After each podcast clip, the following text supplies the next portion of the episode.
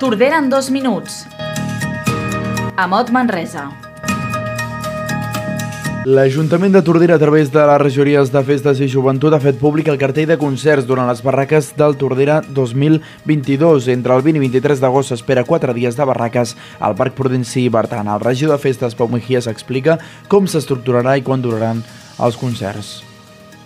Bé, la, la nit de barraques es plantegen des de les 11 de la nit aproximadament, sí que cada, normalment, eh, excepte van una nit s'acabarà més o menys sobre les 5 de, de la matinada, però eh, en aquest cas eh, hi ha una nit, que és la nit del dilluns, eh, que sí que té un format una miqueta més reduït i que sobre les 3 de la matí doncs, la nit la tindríem, la tindríem acabada. Com a caps de cartell de les barraques destaca 31 Fam, la banda del Cotxe Rojo, DJ Sendo, Coers i Tribut a Queen. I avui també expliquem que l'Ajuntament han començat les obres de recuperació i protecció d'un dels pilars del pont de ferro, malmesos a causa del temporal Glòria del 2020. Dies després del temporal es va detectar una afectació a la fonamentació d'una de les estructures de suport del pont. La regidora d'Obres i Serveis, Barbara Vergés, explica quin objectiu tenen aquestes obres.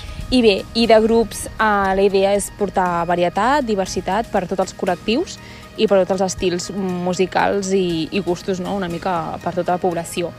Grups a destacar serien 31 Fam, la banda del Cotxe Rojo, a DJ Natura, que és un, una, una noia, el grup Coers, el Guassa, que també hi ha persones de, de, bé, integrants del grup que són d'aquí Tordera, Johnny Folker, que és un, un grup local, L'execució de les obres es realitza en aquest període estival tenint en compte la situació de l'aqüífer de la Tordera i són subvencionades, un 50% per la Generalitat i un altre 50% pel govern central. Avui també destaquem que les dades de meteorologia marquen un canvi dràstic respecte a anys anteriors. Aquest any les dades no arriben ni a la meitat de les precipitacions mitjanes eh, que es viuen habitualment a Tordera en els primers 7 mesos de l'any.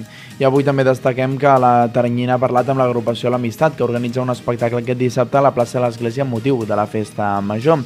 Justament parlant d'entitats, també acabem destacant que ja estan obertes les inscripcions pel taller de muntatge de capses dels records per demà dimecres.